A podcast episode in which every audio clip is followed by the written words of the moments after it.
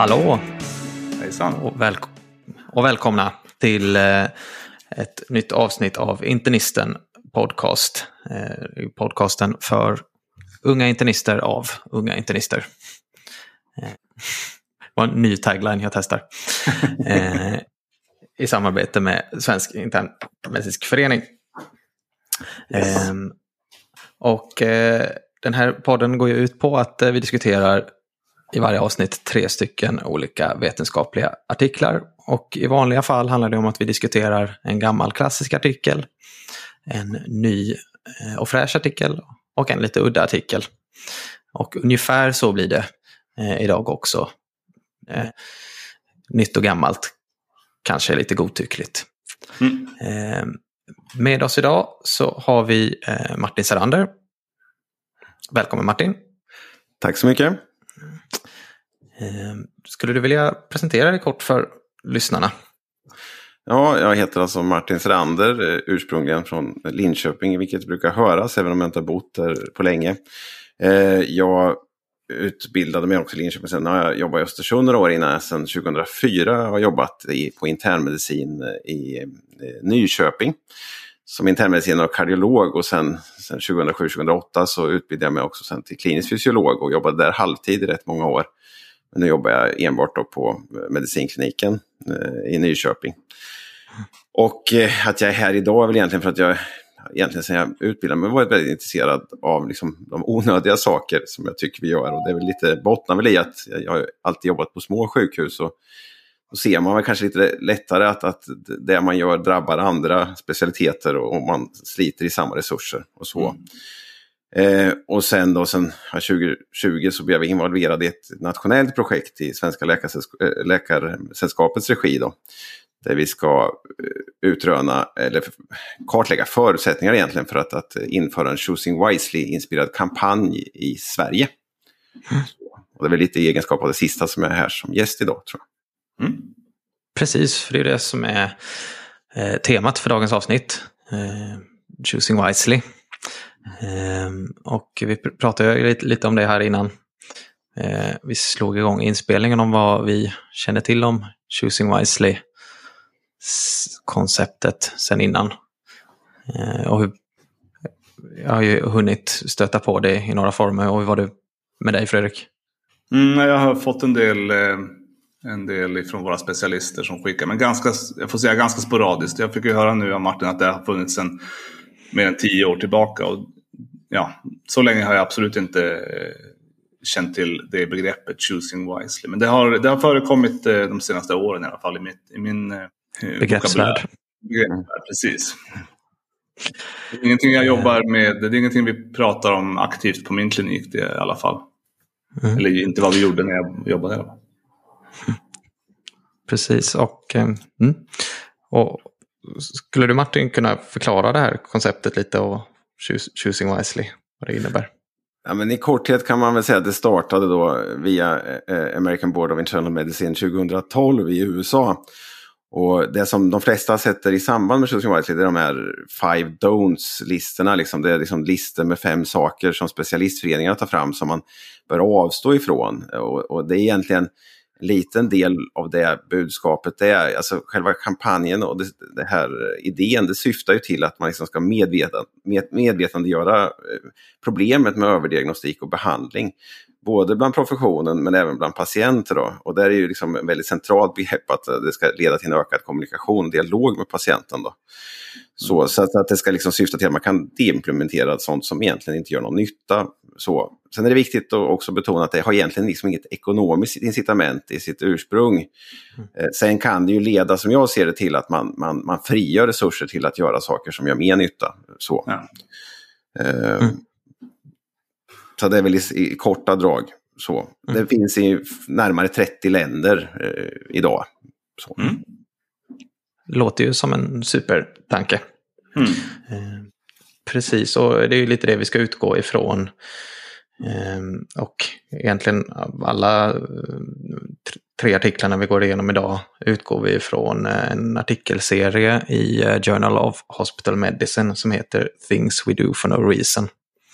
Eh, som ju ingår i Choosing Wisely-konceptet. Mm. Bra. Då tänker jag i samband med de här avsnitten så um, skänker jag också SIM, Svensk Internmedicinsk Förening, eh, 2000 kronor till en välgörenhetsorganisation. Som eh, du Martin som gäst får välja. Tack, det var ärofyllt. Men, nej, men jag tänker att jag vill skänka det till eh, Civil Rights Defenders i Ukraina. Jag tycker att det är väldigt viktigt att folk som eh, försöker ta reda på saker eh, fortsätter att höras. Både hemma och i andra länder just nu. Mm. Mm. Mm. Bra. Mycket bra. Då så. Är vi redo att eh, dra igång med den första inom citationstecken gamla artikeln? Yes.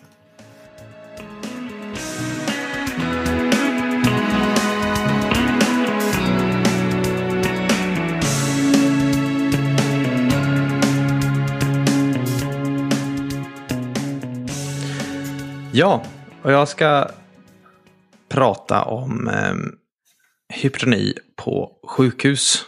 Eller mer specifikt om behandling av eh, det som tidigare har kallats en del för hypertensive urgency. Eh, men som jag numera allt oftare har sett eh, benämnas som asymptomatisk hypertension. Mm. Och det här var ämnet då för en, Eh, en sån här review-artikel i den här artikelserien Things We Do For No Reason eh, 2018. Ehm, som då en, en vanlig företeelse i kliniken som man kanske gör som medför litet värde för våra patienter. Och den artikeln heter eh, Acute Treatment of Hypertensive Urgency och är skriven av Tony Brew som också är medicinpoddare för övrigt. Har en podd som heter Curious Clinicians. Den kan jag rekommendera.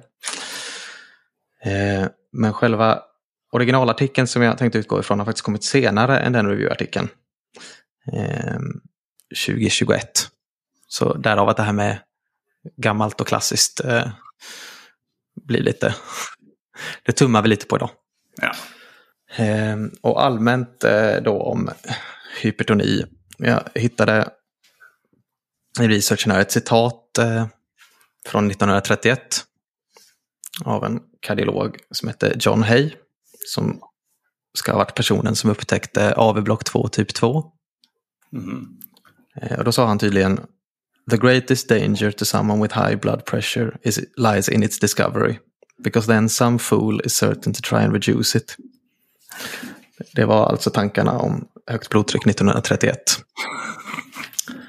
Eh, men jag tänker att nu vet vi ju att eh, högt blodtryck, kroniskt förhöjt, förhöjt blodtryck, hypertoni är associerat med dåliga saker. Kemisk hjärtsjukdom, stroke, njursvikt ja. eh, på lång sikt.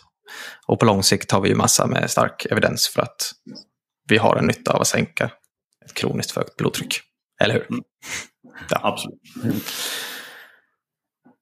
Eh, och sen tänker jag att vi också vet om att hypertensiva kriser finns. Alltså väldigt höga blodtryck tillsammans med ändorganskada Eh, vanligtvis då lungödem, stroke, eh, aortadissektion, hjärtinfarkt, akut njurskada. Också dåligt.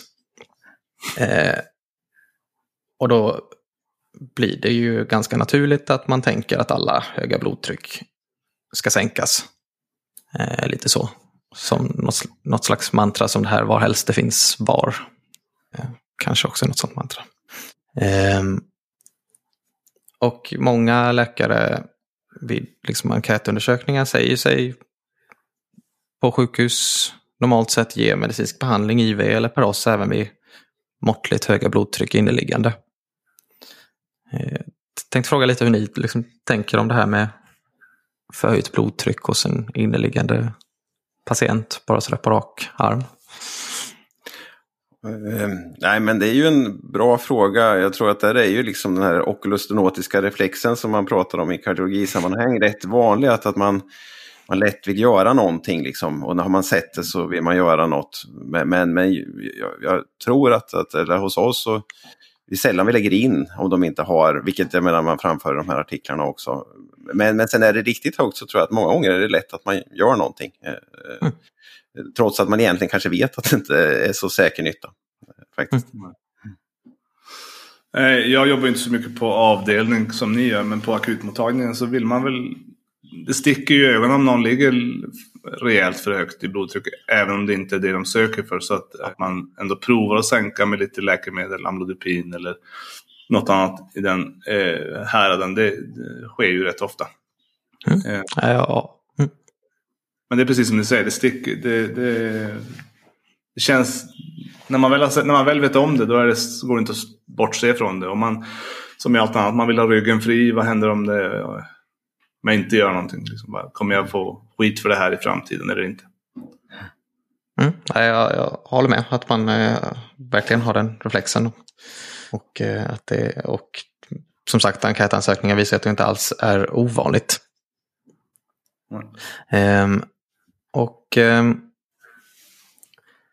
artikeln jag ska prata om från 2021 kommer jag till alldeles strax, men innan den här liksom, artikeln publicerades Eh, Eh, som, som handlar om eh, patienter på sjukhus med eh, förhöjda blodtryck så hade man faktiskt gjort studier på patienter eh, i mottagningssammanhang ehm, eh, med förhöjda blodtryck eh, som motsvarar hypertensive urgency, alltså över 180 mm kvicksilver.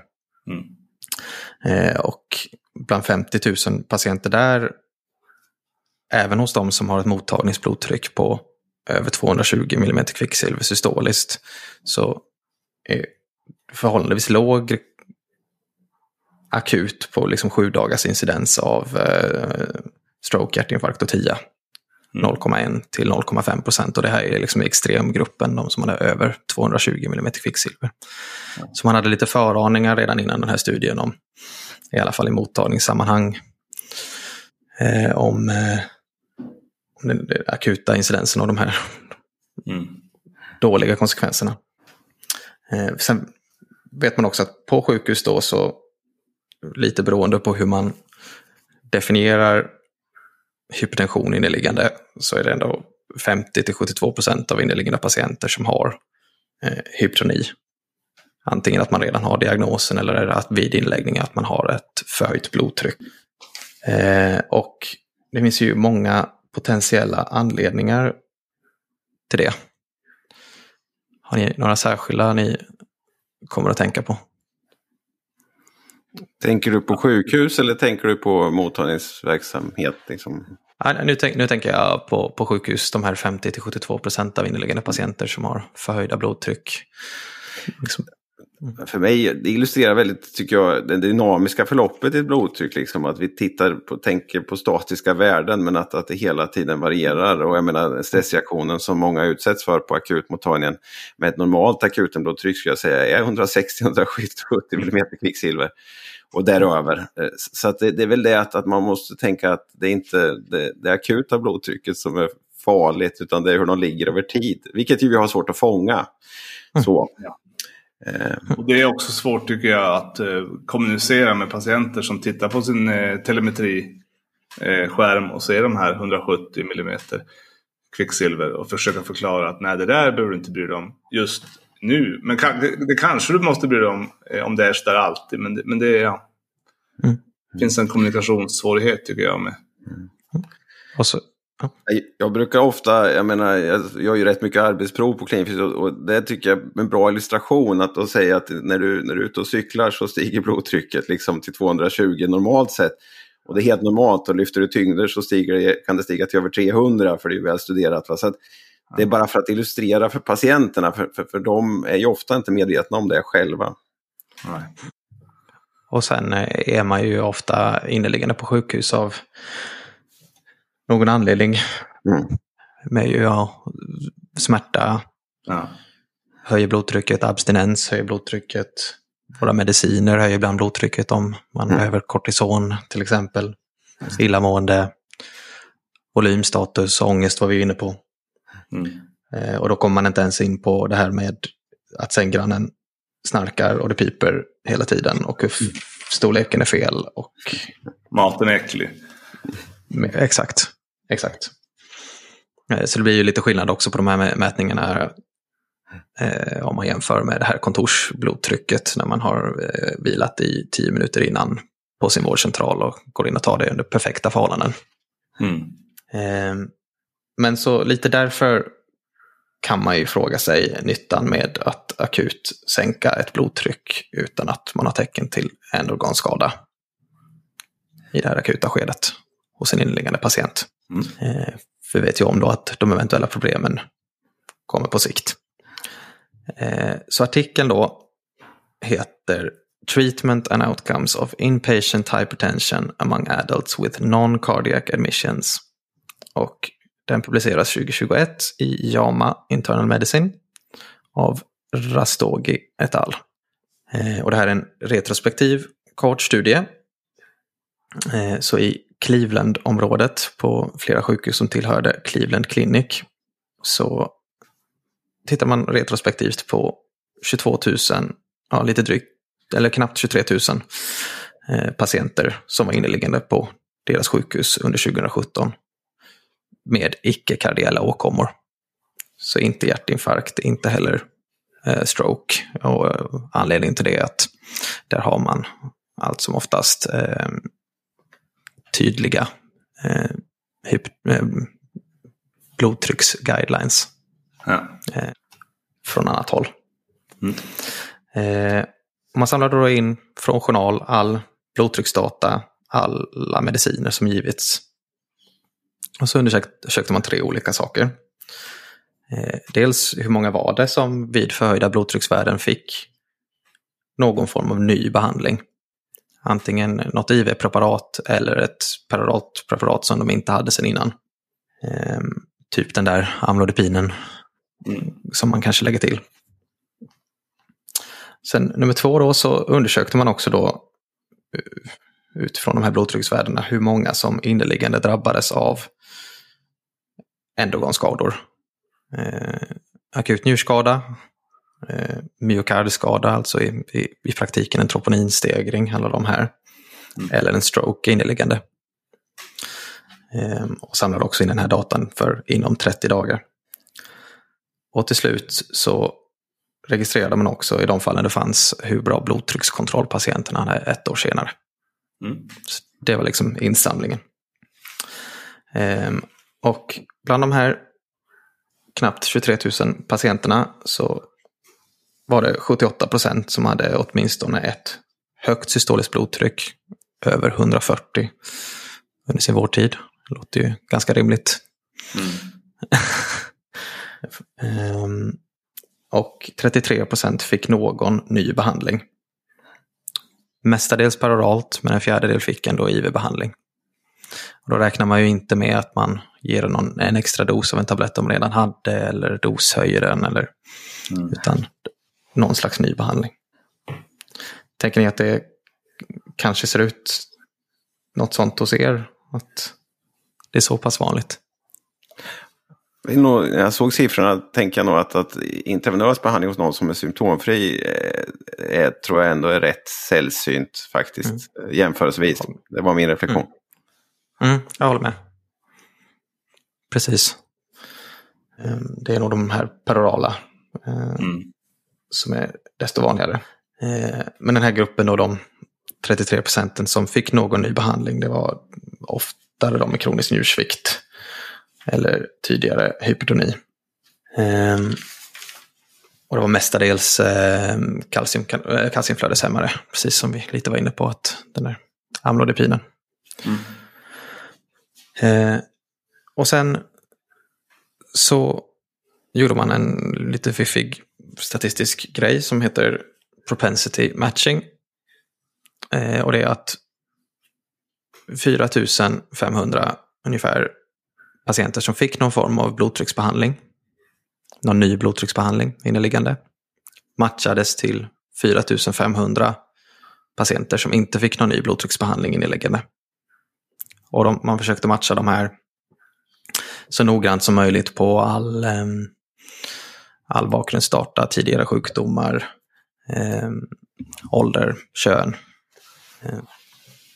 Så när man har de här två grupperna som ska vara så lika som möjligt, en som fick någon ny blodtrycksbehandling och en som inte fick någon ny blodtrycksbehandling, så tittar man då på hur många var det i de här olika grupperna som fick akut njurskada, mjukhardsskada eller stroke. Ja. Om man tittar i gruppen då som fick någon ny eh, blodtrycksbehandling så var det 499 eh, av de 4950, 11 procent, som fick någon av de här tre, akut njurskada, mjukhardsskada eller stroke. Eh, medan i den obehandlade gruppen så motsvarande 371 stycken 8 procent, så 11 mot 8 procent. Mm. Till fördel då för den obehandlade gruppen. Eh, och det var mest, handlade mestadels om akut njursvikt och myokardskada. Stroke var väldigt ovanligt. Mm. Eh, och det finns uppdelat snyggt i eh, artikeln på subgrupper av blodtryck och det var liksom robust fördel för icke-behandling eh, bland dem med blodtryck, systoliska blodtryck 140 till 159 och 160 till 199. Eh, en klar signifikant fördel för icke-behandling.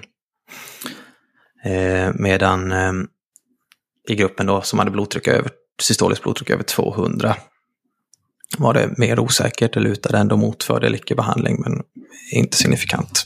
Okay. Har ni några spontana tankar på det? Var det som ni hade förväntat er? Nej. Ja, men... Ja, nej, jag bara tänker, det, jag försöker komma på vad som skulle kunna orsaka den. Det var signifikant skillnad ändå mellan de som... De, de, var, de var ju i samma härad med sitt blodtryck från början och så sänker man vissa och de får mer skador. Det, det får inte riktigt ihop. Det borde, åtminstone borde det inte bli någon skillnad kan man tycka. Jag tänker lite grann, det är ju det är lite skönt att ändå se att det är ju inte, det är inte stroke som faller ut. Va? Så mm. vi skadar kanske inte folk. Och sen kan man ju säga att njurskadan är ju, den är ju räknad liksom som en procentuell ökning av kreatinin. Då. Det, ja. det är ju inte kanske njursvikt då, alltså reellt. Det kan man kanske förvänta sig delvis så. Likadant med troponinnivåerna var ju rätt låga mm. som jag, om man nu ska översätta dem från, till svensk nivå. Så, så det är väl en budskap tycker jag att man ställer kanske inte till jättemycket skada men det kanske viktigaste och sen det mest centrala budskapet är att vi, vi gör väl som det verkar inte någon nytta överhuvudtaget. Mm. Mm. Så tänker jag kring det. Och inte ens på de riktigt höga blodtrycken så verkar det som att vi faktiskt gör någon nytta. Mm. Mm. Precis, lite så tänker jag också. Att eh, ingen nytta och sen precis det här potentiellt lite, lite skada. Eh, så, men precis, det är ju en krea eller en troponinstegring som är precis som du säger också, inte, inte så farligt kanske för patienten. Mm.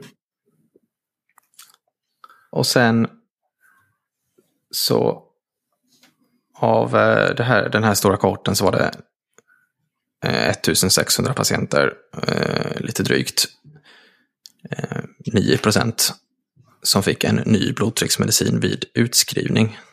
Så det är liksom på väg ut så följde det med ett nytt recept på eh, en blodtrycksmedicin. Ehm, vilket jag inte heller tänker är så ovanligt. Det stämmer nog ofta. Mm, mm, mm. Sätter du in någonting på, på avdelningen som, och så funkar det tycker man så fortsätter man med det.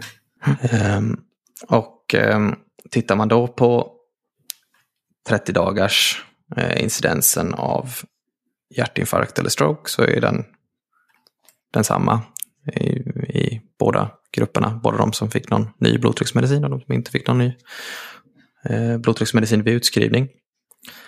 Och tittar man då ett år senare, vilket man kanske förstår, så var ju blodtryckskontrollen ungefär densamma.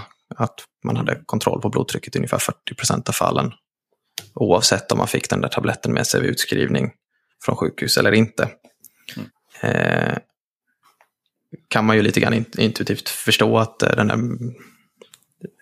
extra tabletten som man fick vid utskrivning från sjukhus gör väl desto mindre än eh, uppföljningen därefter. Ja. Jag tänker, ehm, jag har ju varit inne lite på huvudbudskapen då, att inneliggande så verkar det som utifrån den här artikeln och även lite annat stöd i reviewartikeln att det här med att Eh, behandla ett eh, förhöjt blodtryck som är asymptomatiskt. Sannolikt inte medför någon nytta.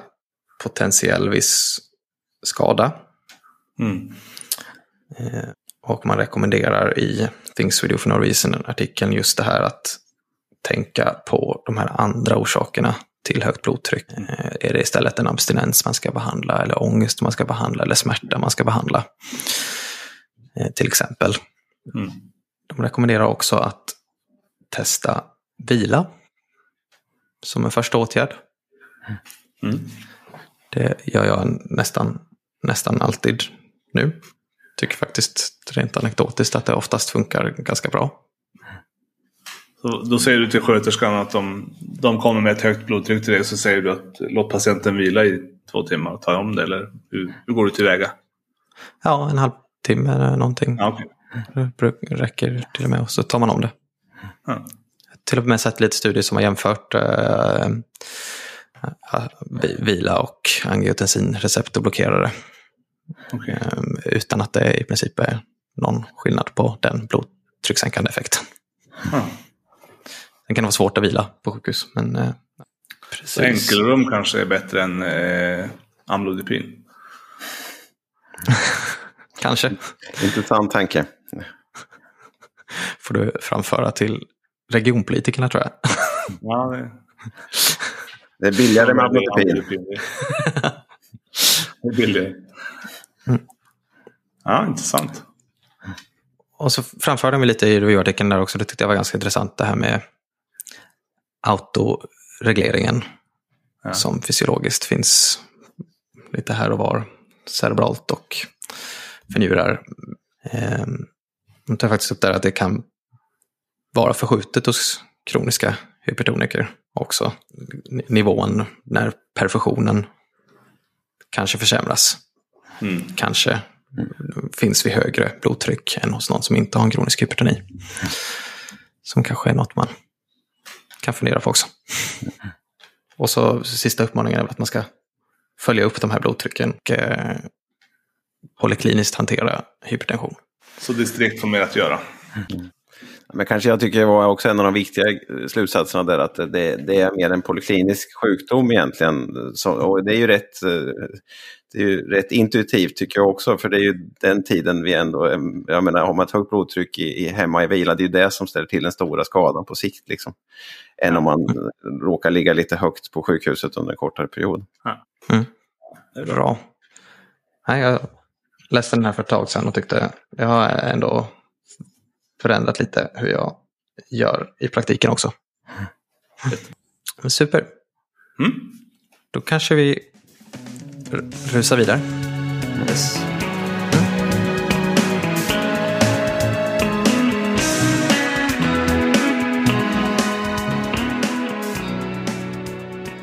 Okej, då är det jag som ska ta vid då. Eh, och lämpligt nog så handlar det lite om ekokardiografi. Så, eh, och det här med gammalt och nytt är lite blandat. Så det är egentligen två artiklar. Eh, då den, den, den, en av dem är, den är rykande färsk faktiskt från januari 2023. Eh, och den ligger i samma serie som den andra du hade som, som Things We Do for, for No Reason.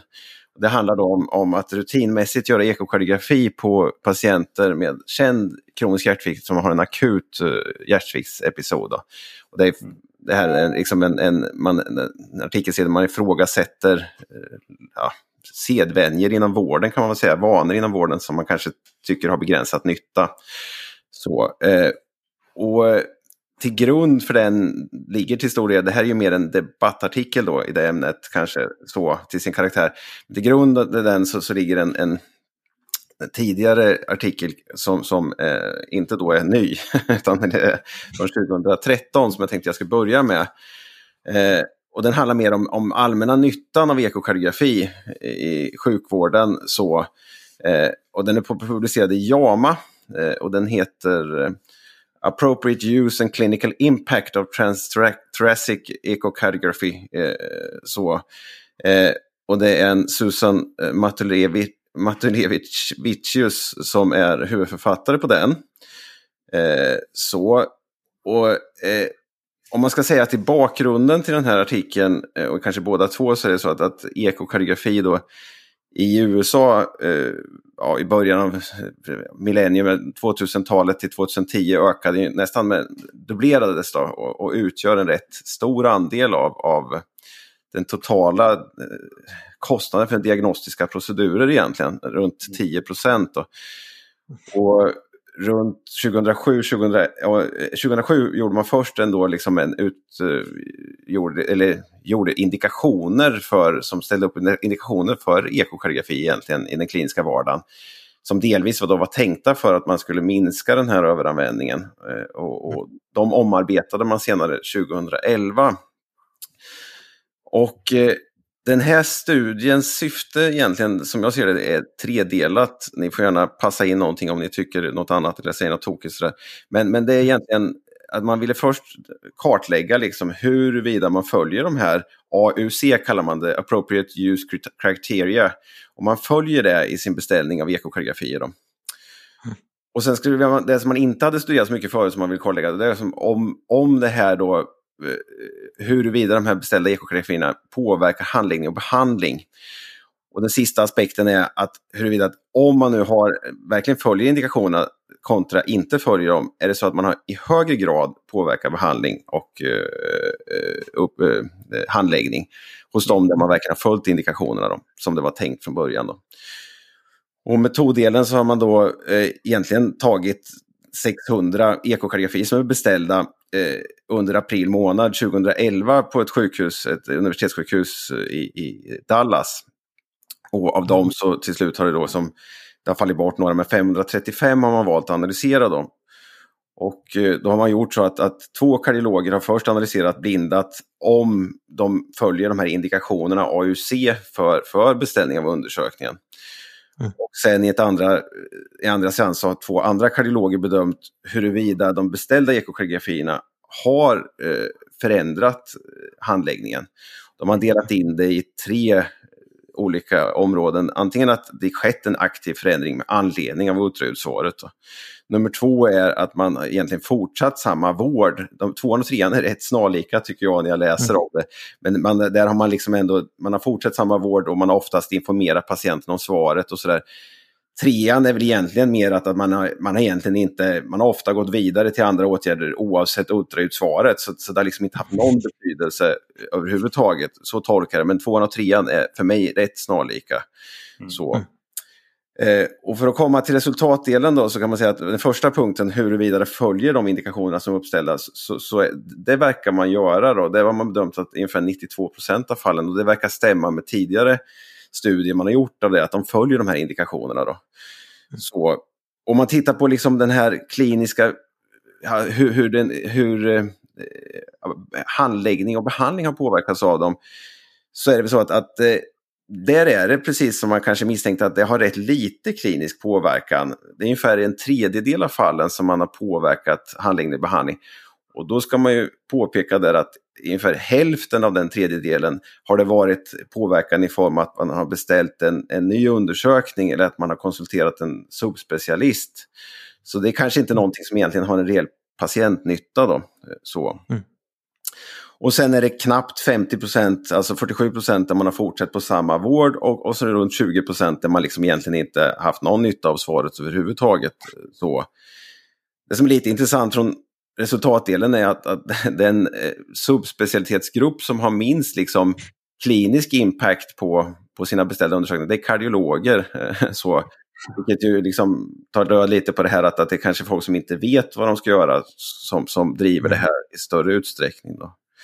Mm. Så, eh, för där hade man bara en 10 ungefär drygt som, som gav en, en klinisk liksom, impact på, på den beställda undersökningen. Och ja, jag funderar lite på, eh, jag hittade liksom inte det i artikeln, men som du sa, ehm, vad, vad, tror du att det här var för någonting, det här med further diagnostic testing, att man beställer sitt eko och sen att an, ändringen är att man gör någon, någon, något nytt diagnostiskt efter det. Du förstår liksom inte riktigt vad det är. Nej, det, det är ju jättesvårt. Det kan ju vara provtagning ja. och, och det, det, det, är ju väldigt svårt att veta vad som gömmer sig i det egentligen faktiskt. Ja. Det kan ju vara en mm. kompletterande lungröntgen eller egentligen vad som helst. Liksom. Mm. Som jag ser det kan ju vara om man har upptäckt pulmonär hypertension så gör man en lungröntgen för att titta på någonting. Så det kan ju ha både motiver välmotiverade åtgärder och, och sådana som inte gör någon nytta egentligen för patienten alls. Så. Mm, mm. Mm. Nej, men, men eh, bra reflektion. Och det, det, är ju en del som inte riktigt går att utläsa i, och just som sagt skillnaden mellan de här två, vården fortsätter som vanligt eller att man inte gör någon eh, förändring alls. De är rätt snarlika också tyckte jag när jag läste om det. Mm. Men, men om man ska gå vidare på diskussionen då så, så kan man väl säga att det de konkluderar i så att, att den här AUC-kriterierna har inte riktigt den funktionen man hade tänkt delvis att det skulle liksom bättre selektera så att du får en klinisk liksom, eh, användbar undersökning. Det kan man säga, det, det, det, gör, det korrelerar inte så väl. Eh, så. Och det, det, så, det ska jag också påpeka att när man kollade på de här två grupperna, där det, finns, det fanns en liten andel, 8 där det inte var bedömt som en stark indikation. Eh, skillnaden i den mängden ultraljud som resulterade i en åtgärd var, var, fanns egentligen inte. Så mm. alltså därför så fyllde de inte den här funktionen. Då. Så. Mm. Det är liksom en, då, en dåliga kriterier. Ja, du får i alla fall inte någon högre grad av klinisk eh, impact på, mm. om, om du använder AUC-kriterierna om man ska gå på de här datorna. Då. Mm. Så. Mm. Eh, och sen hade man lite teori kring varför det var så. Och en teori är liksom att det här, de här kriterierna är utformade av subspecialister som håller på mycket med imaging och då är de liksom rätt inne på sitt område och det tenderar till att man är mer frikostig att använda det till exempel. Då. Mm. Så, eh, och sen, Men... jag tycker om man tittar, om man själv ska analysera data, så om man tittar på de här AUC så är ju liksom de tre första som genererade mest undersökningar är ju så att, att det är ju väldigt eh, löst, eh, alltså de är väldigt, du har väldigt lösa indikationer på vad som kan föranleda en undersökning. Det kan vara misstanke på kardiell sjukdom och där ingår liksom TIA till exempel. Liksom. Alltså, det, då, då, då tänker jag tromboembolism man tänker efter, palpitationer. Och, jag menar, det, blir ju mm. väldigt, det, det, är klart att då kan du rätt snabbt uppfylla de här kriterierna. Sen var det även om du hade takykardier eller förmaksflimmer att det liksom per automatik skulle kunna föranleda enligt de här kriterierna. Och sådär. Vilket är mm. intressant om man tittar på de som, där du hade kriterier som du hade gått på där du fick en större klinisk impact så var det mer ett till exempel riktad endokarditfrågeställning, en positiv blododling med ett nytt nytillkommet systoliskt blåsljus. Det är ju inte så förvånande att det mm, ger en mm. högre klinisk impact. Så, så egentligen när man läser de här AUC tycker jag att det är rätt givet att de inte kommer resultera i att du får en högre klinisk impact om du bara använder dem utan något annat så att säga. Mm. Mm. Så. Mm. Så det var väl egentligen liksom slutsatsen från den studien då. Har ni kommentarer eller så funderingar som ni, eller jag har missat saker? Jag, jag kikade på de här AUC-kriterierna också, de var ju väldigt extensiva. Mm. Um, ja, men precis den som var liksom den vanligaste indikationen för, um, för uh, undersökningarna. Uh, det här med symptom som var potentiellt relaterade till suspected cardiac cause. Det känns som att mm. det är lite den indikationen man själv trillar dit på också. Eh, att eh, liksom, någon med en kronisk hjärtsvikt kommer in med en akut dekompenserad hjärtsvikt så tänker man vad, vad kan felet vara? Är det någonting nytt? Nej, nej, det jag saknar i de här kriterierna, vilket man saknar tycker jag i svenska riktlinjer också, det är att man lägger till en rad om att, att eh, på vilket sätt bedömer att undersökningen kommer förändra handläggningen och, be, och behandlingen av patienten i akutskedet. Så att säga. För det är möjligt att den ska göras, men kanske inte just akut. Så. Mm. Men hade, hade du någon kommentar Fredrik annars? Nej, jag tyckte du fångade det väldigt bra. Tack. Då tänker jag vi kan gå vidare lite på den här som, som, som då är i den här serien Things We Do For No Reason. Och då det, handlar det då lite grann om ekokardiografi på, på kroniska hjärtsvikter som kommer ut i en akut hjärtsviktsepisod. Det här är ju ingen regelrätt studie. Den här liksom spaltar man upp lite argument för och emot mer. Eh, varför man, man eh, kanske inte bör göra det rutinmässigt är ju tesen man driver här då. Och man även här framför ju att det är som en ökande artikel, att man gör väldigt mycket mer ekokardiografier som bakgrund. Då. Och då kan man säga att, att, man börjar med att egentligen ta fram lite stöd för att man skulle kunna ha hjälp av det. Och då är det någon lite mindre studie där man har studerat eh, mer pokus egentligen. Det är egentligen inte kanske transtrakal ekokardiografi i klinisk mm. fysiologisk mening på 20 patienter där man tittar lite mer på, på fyllnadsgrad i vena cava och eh, jugularisvenerna och sådär. Och där har man sett då att om man gör det så har man en, en snabbare eh, korrigering av dekompensationen med vätskeutdrivning och faktiskt en förbättrad eh, mortalitet vill jag minnas att det var också efter 19 månader. Jo, det var det. Mm. Nej, det var en lä mm. lägre grad av återinläggning. Där. Efter 16 månader, förlåt, nu blandade jag ihop det. Mm. Så, så, att, så, att, eh, så att där hade du liksom, men det var ju egentligen mer en, en bedömning av vätskegrad, mer verktyg för oss, för det är ju erkänt eh, liksom, svårt att göra kliniskt bara, så, så det är ju inte kanske ekokardigrafi det visade på. Sen drog man också fram en japansk studie där man hade hävdade då att man kanske hade nytta av, men där var det egentligen så att, att det man kanske möjligen hade nytta av det var att man gjorde ett eko innan de skrevs hem faktiskt. Så, och det man framfört som kritik mot den då, för det, det visade, där visade man en, en, de som hade gjort ett eko precis innan de åkte hem, de hade då en förbättrad mortalitet eh, efter 19 månader. Och det man kan anföra som kritik mot den, det är att vårdtiden då var 19 dagar på de här patienterna. Och det är ju inte någon hjärtsviktare som ligger så länge på ett, ett svenskt sjukhus överhuvudtaget. Så det här är kanske mer att likna vid ett polykliniskt uppföljningseko. Mm. Vilket ju också mm. Har ett mer värde för att bedöma liksom den långsiktiga medicineringen och sådär i ett stabilt lungskede. Så, så, så, att det kan man säga att den, den, kanske inte var övertygande. Och de visade mm. inget nytta på att göra ett ankomst-ekokardiografi egentligen på den studien. Mm. mm. Så det är väl liksom argumenten som skulle stödja kanske att göra ekokardiografi. Det de anför som argument mot och som jag helt instämmer i som, som jag menar, arbetandes inom klinisk fysiologi, det är ju att en akut dekompenseringsperiod påverkar ju liksom förstås hjärtat. Det är inget konstigt att du hittar fynd. Menar, du får en mer dilaterad vänsterkammare, när du blir lite takikard eller du har en ökad vätska, AV-planen läcker lite mer. Va? Och det här är egentligen inget, det, kan du, det vet du egentligen genom att, att mm. tänka kliniskt. Då. Så. Mm så det tillför egentligen inte så mycket och det kan, jag, kan man bara instämma i tycker jag. Så, eh, så, så, att det ger inget stöd för behandlingen, för det kan man göra på mm. klinisk grund egentligen. Så. Och sen hänvisar man också till den här studien då, vilket ju egentligen inte bara inkluderade aggregerad hjärtsvikt utan andra, men de hänvisar den här studien från JAMA då att, att det finns ett väldigt litet, eh, lite som tyder på att det förändrar den akuta behandlingen och eh, handläggningen då. Så. Så det var väl liksom de huvudsakliga eh, liksom, slutsatserna man drog och jag, jag, tycker det här stämmer väldigt väl med den kliniska eh, bild jag har när man pratar med kliniska fysiologer som jobbar mycket med det så, så frågasätter man ju verkligen varför ska du göra ett nytt eko på någon som har en EF ett halvår, halvår tidigare på 30 procent. Och så kommer de in och försämrar det. Vi kan ju vara helt säkra på att EF kommer inte vara högre. Och, och egentligen så, så kommer det sällan påverka den akuta handläggningen eller bedömningen. Men det är de då, så, så konklusion, ja förlåt. Nu skulle... Nej, men precis, det tycker jag. Mm, jag håller med själv lite sådär, sådär i början av ST. När man kanske beställt de där undersökningarna så får man tillbaka sitt svar och så har man tittat på patienten och tänkt eh, hjärtat pumpar dåligt och så får man svar ja, hjärtat mm. pumpar dåligt just nu. Mm. Det, det, är ju förståeligt att det inte förändrar någon handläggning för vi, vi visste det redan. Mm. Ja, nej, och det som de liksom rekommenderar, konklusionen är ju att man ska undvika rutinmässiga eh, liksom, undersökningar av det här slaget. Men däremot i utvalda fall, till exempel har en kardiogen chock, och jag menar, det är ju också, då har du ett akut läge där du kanske är en patient som håller på att dö, jag menar, då är det väl rimligt att man gör för att se om man på något sätt kan hjälpa patienten.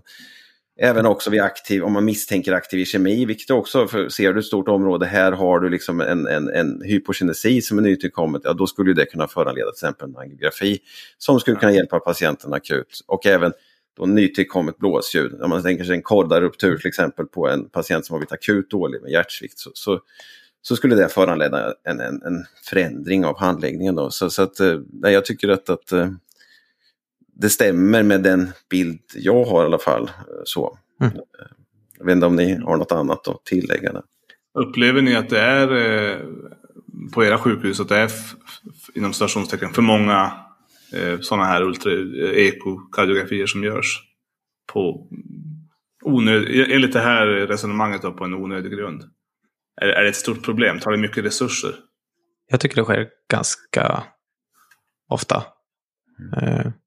Och jag vet att jag jo, gjort mig skyldig till en del, höll jag på att säga. Men just det där som vi pratade om innan. Man beställer ett ja. eko och man får tillbaka ett svar som man visste att man skulle få i princip. Nej, jag har ju suttit och bedömt inremisser på Cleanfys och jag skulle säga att det är ett alltför vanligt förekommande problem. Jag tror att det ännu vanligare om det själv, för på mindre sjukhus är kanske den som beställer undersökningen gör kanske undersökningen själv och då tänker man till en extra omförmån, då måste man frigöra den här tiden för det. När det är på större sjukhus så sitter någon annan på en helt annan avdelning och då, då kanske det inte är lika uppenbart vilken tidsåtgång eh, och vilken undanträngningseffekt det får. Då. Nej, jag skulle säga att det, det är allt för vanligt. Mm.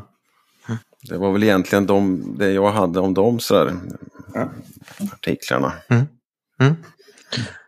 Mm. Samma sak där. Det är skönt när någonting uppmanar till lite eftertanke. Absolut. Ska vi gå vidare till den tredje artikeldelen?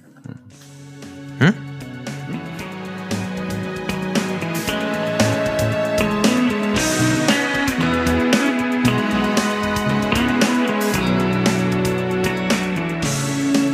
Tänkte jag prata om eh, en eh, sak som vi eller ni eller man kanske gör eh, utan anledning, for no reason. Eh, jag har läst en artikel som heter Serum Albumin and Pre-Albumin in Calorically Restricted Non-Diseased Individuals, A Systematic Review, som är skriven av Li et al. 2015. Sen finns det också en eh, till detta då, en sån eh, Things We Do For No Reason artikel eller som du sa Martin, en debatt, mer som en debattartikel. Det är ju lite mer åsikter kanske i den. Eh, men den artikeln som ligger till grund för detta då, som jag nämnde, den, den söker att finna svar på om albumin och prealbumin är bra markörer för att värdera undernäring hos patienter. Då kan man ju fråga sig varför detta är intressant och det beror ju då på att undernäring hos patienterna på sjukhuset leder enligt många studier till en kraftigt ökad mortalitet. Men i många fall eh, så saknas information om det, patienternas nutritionsstatus när de skrivs ut.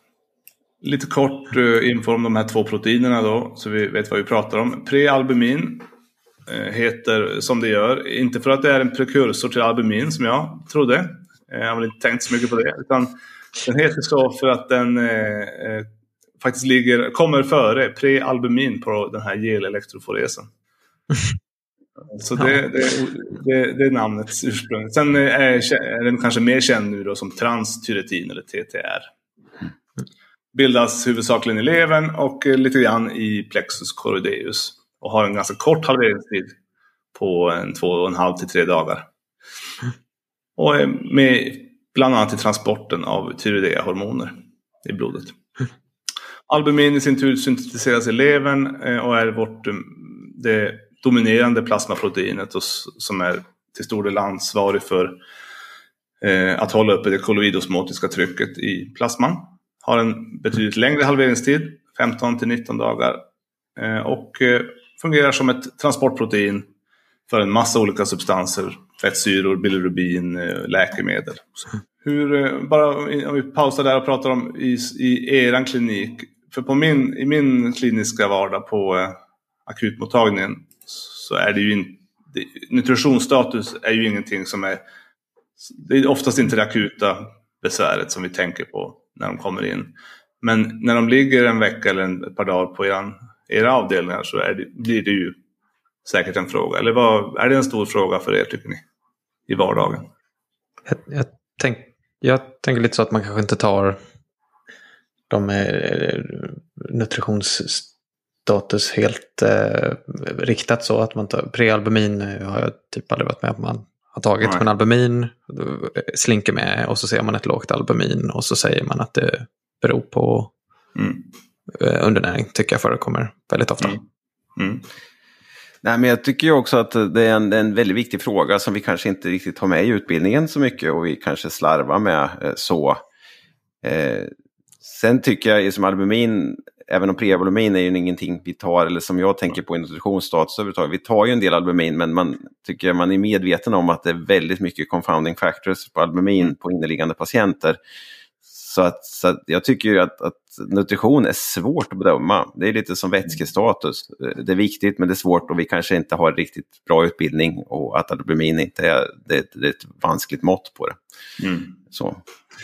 Ja, nu de här eh, studieförfattarna är, eh, nu gissar jag lite grann att de är amerikaner. Det är den känslan jag har i alla fall. De, de hänvisar åtminstone till guidelines i eh, om missminner mig så var det eh, nursing, alltså nursing guidelines i USA. Att man bör hålla koll på patienternas proteinnivåer för att, som en del i nutritionsstat. Eh, står det där då. Det, det, förekommer, pre, prealbumin har jag aldrig heller tagit. Albumin eh, tas ju ibland av, kanske inte fram främst för, för nutrition men, men det, det har säkert hänt. Eh, men eh, varför, varför man ens... För läs, läser man i analysportalerna, uh, jag, jag har ju Skånes som min, min go-to, ni har väl någon annan, men det står väl ungefär samma sak. Så, så beskriver man ju både prealbumin eh, eller framförallt prealbumin som en nutritionsmarkör. Men de flaggar också, som du säger, för många confounding factors. Men det, den används ändå i, i artiklarna, eller i eh, litteraturen som en sån. Eh, första gången som man mm, föreslog detta, eh, prealbumin då, som en nutritionsmarkör, var 1972 i en studie där man eh, tittade på 40 stycken barn med ska se om jag kan uttala det här, quasi-orkor. Som är ett tillstånd vid allvarlig proteinbrist. Som blev känd tidigt 70-tal under den här Biafra-krisen i Afrika. Eh, vi som är vi som levde på 80-talet eh, kanske minns eh, de här ut, utmärglade barnen med uppsvällda bukar, det förekommer väl fortfarande. Men de, eh, de, de hade då quasi-orkor. Och man noterade att de fick eh, stigande, de hade låga prealbuminnivåer och de fick stigande sådana med intensivt näringstillskott. Eh, och I den studien valde man prealbumin framför albumin på grund av den här kortare halveringstiden, ungefär tre dagar jämfört med tre veckor i runda slängar. I studien som jag eh, läste och som jag berättade om i början här så sammanfattar man eh, Man tittar på en massa studier men man sammanfattar totalt 63 studier efter att ha tittat på ett, eh, ett mer än 2000 studier utförda från eh, ungefär andra världskrigets slut och framåt. Och i dessa studier har man tittat på människor som har, av olika anledningar har kaloriunderskott. Främst anorexia nervosa, bulimia nervosa och eh, hungerstrejk var en stor en studie på en massa fångar som hade hungerstrejkat. Eh, den hette ju, eh, som jag sa lite snabbt där, Non-Diseased Individuals, vilket eh, innebär att de hade inga, inga inflammatoriska tillstånd som kunde förklara skillnaderna i albumin. I den här samma review eller sammanfattningen då, så noterar man att nivåerna av albumin och prealbumin eh, är normala trots att kaloriunderskottet eh, förlåt, trots att de har ett kaloriunderskott och inte börjar korrelera med det låga BMI förrän man når ett väldigt lågt BMI och då är man nere på 12 ungefär. Vilket innebär en extrem eh, undernäring och då behöver man ju inget blodprov för att förstå att patienten lider av undernäring. Det räcker med, att, det räcker med klinisk blick, eller det räcker med blick. Mm. Mm. Um, Sen tittar man också på, noterar man i de här studierna att när man sen tillför kalorier, eh, näring till patienterna, så i vissa fall så stiger albumin eh, och i vissa fall så sjunker albumin. Så det verkar inte heller vara, det är inte helt entydigt där heller. Mm. Eh, en ideal nutritionsmarkör, blodprov, skulle ju påverkas av patientens nutritionsstatus och ingenting annat. Problemet med albumin och prealbumin är att de är inte sensitiva då, som jag sa. De eh, sjunker inte förrän BMI är extremt lågt. Mm. Och de är inte heller specifika, de påverkas av en uppsjö av, eh, av andra saker. Eh, prealbumin till exempel ökar vid eh, kortikosteroidbehandling, anabola steroider eller NSAID-preparat. Eh, och prealbumin minskar vid inflammatoriska tillstånd, eh, måttligt till allvarlig leversjukdom, administration av eh, interleukin 6 och många andra saker, Trudea-sjukdom. Albumin ökar vid intorkning eller vätskebrist och minskar också vid inflammatorisk aktivitet som tumörer och infektioner. Även den minskar vid avancerad leverskada eller vid nefrotiskt syndrom eller andra, andra abnorma förluster. Så både eh, albumin och prealbumin är negativa akutfasproteiner. Alltså det innebär att den, den frisättningen som sker eh, i, i, kroppen av cytokiner i samband med inflammatorisk aktivitet hämmar eh, syntesen av dessa två. Mm. Och i, I fallet om de här 40, 40 afrikanska barnen så har man också sett och vet att komorbiditeten mellan sjukdomen eller tillståndet quasi-orkor och ja, svåra infektionssjukdomar är väldigt stor. Mm. Vilket man också kan tänka sig att när de fick eh, tillskott av näring i den här studien så är det inte omöjligt att de också fick annan sjukvård. Mm. Eh, men vad ska man då göra istället? För problemet med undernära patienter som far illa är ju ett faktum. Eh, och I den här eh, Things We Do For No Reason-artikeln, som då tittar på samma artikel som jag, så föreslår man att man istället ska använda sig av eh, icke-biologiska metoder för att kontrollera näringsstatus. Eh, det finns, eh, det finns olika societies i många världsdelar, men såväl det amerikanska som heter Aspen och det europeiska som heter Espen föreslår andra, andra metoder, icke, icke blodprov då, som man kan använda med viss modifikation. Eller med viss variation. Så Aspen, den här amerikanska, de tittar på sex stycken eh, punkter. De tittar på viktnedgång i procent över tid. De tittar på otillräckligt näringsintag. Förlust av kroppsfett. Förlust av muskelmassa eh, vätskeansamling och eh, reducerad greppstyrka. Och de vill se minst två av sex eh, av dessa för att ställa diagnosen eller att man ska börja misstänka en undernärd patient. Européerna eh, i ESPEN har lite annan approach. De tittar på eh, viktnedgång, antingen 10% sedan toppvikten eller 5% viktnedgång de senaste tre månaderna. Mm. De följer något som heter Fat Free Mass Index. Och den ska, om den ligger under 15 för kvinnor eller under 17 för män. Och så tittar de på patientens BMI om den ligger under 20 för 70-plussare eller under 22 för eh, de som är under 70 år gamla. Och eh, om man antingen har ett BMI under 18,5 då är man undernärd. Alternativt om man har en viktnedgång, då 5% de senaste tre månaderna eller 10 sen toppvikten. Mm. Eh, tillsammans med antingen ett sånt här ett för lågt fat free mass index eller ett för lågt BMI. Mm. Så det är det de föreslår. Men det är onekligen som kliniker i en stressad vardag så är det ju onekligen mer eh, attraktivt att ta albumin och, och se att, att, det blir ju väldigt mycket allt annat, det blir, det blir ju mer arbete kan man säga att hålla på med de andra sakerna. Fat free mass index. Fat free mass index, det är ingenting jag Men det, det låter ju som BMI fast eh, man får ta bort fettet då, kroppsfettet. Hur man nu gör det, då får man det finns väl en maskin för det, på Cleanfrys kanske? Eller har ni någon sån? Men i vilket fall, det verkar enligt detta inte, det verkar inte värt att hålla på att ta albumin på patienter. Vare sig, har de en infektion så är det absolut inte värt för att då eh, kan man räkna med att det har, ned, det har, gått, det har gått ner av den anledningen. Och har de inte en infektion så är det heller inte eh, det kan vara så att de är undernära. Det kan också vara något helt annat som har för lågt. Eller till och med normalt albumin fast att de är undernära. Så det är liksom Mm. Det... man kanske inte ska titta på albuminet som är taget heller och tänka eh, hjälp, min patient är undernärd för att man har sett albuminet utan Nej. Eh, snarare för att man har tittat på patienten. Precis, och kanske titta på om de ser eh, undernära ut. Men, men det är i vilket fall kanske en sak som vi gör for no reason eller så är det något som vi har slutat med. Det kan vara så också. Kanske gjordes mer förr eller i andra, andra världsdelar än, än Sverige eller Europa. Mm. Nej, precis. BMI under 12 man att man Ja, det, det ser man ju märker. rimligtvis. Eller ja, inte rimligt, det ser man absolut på en patient. Om de har. Ja, det behöver man inget albumin för. Det. Nej. Nej.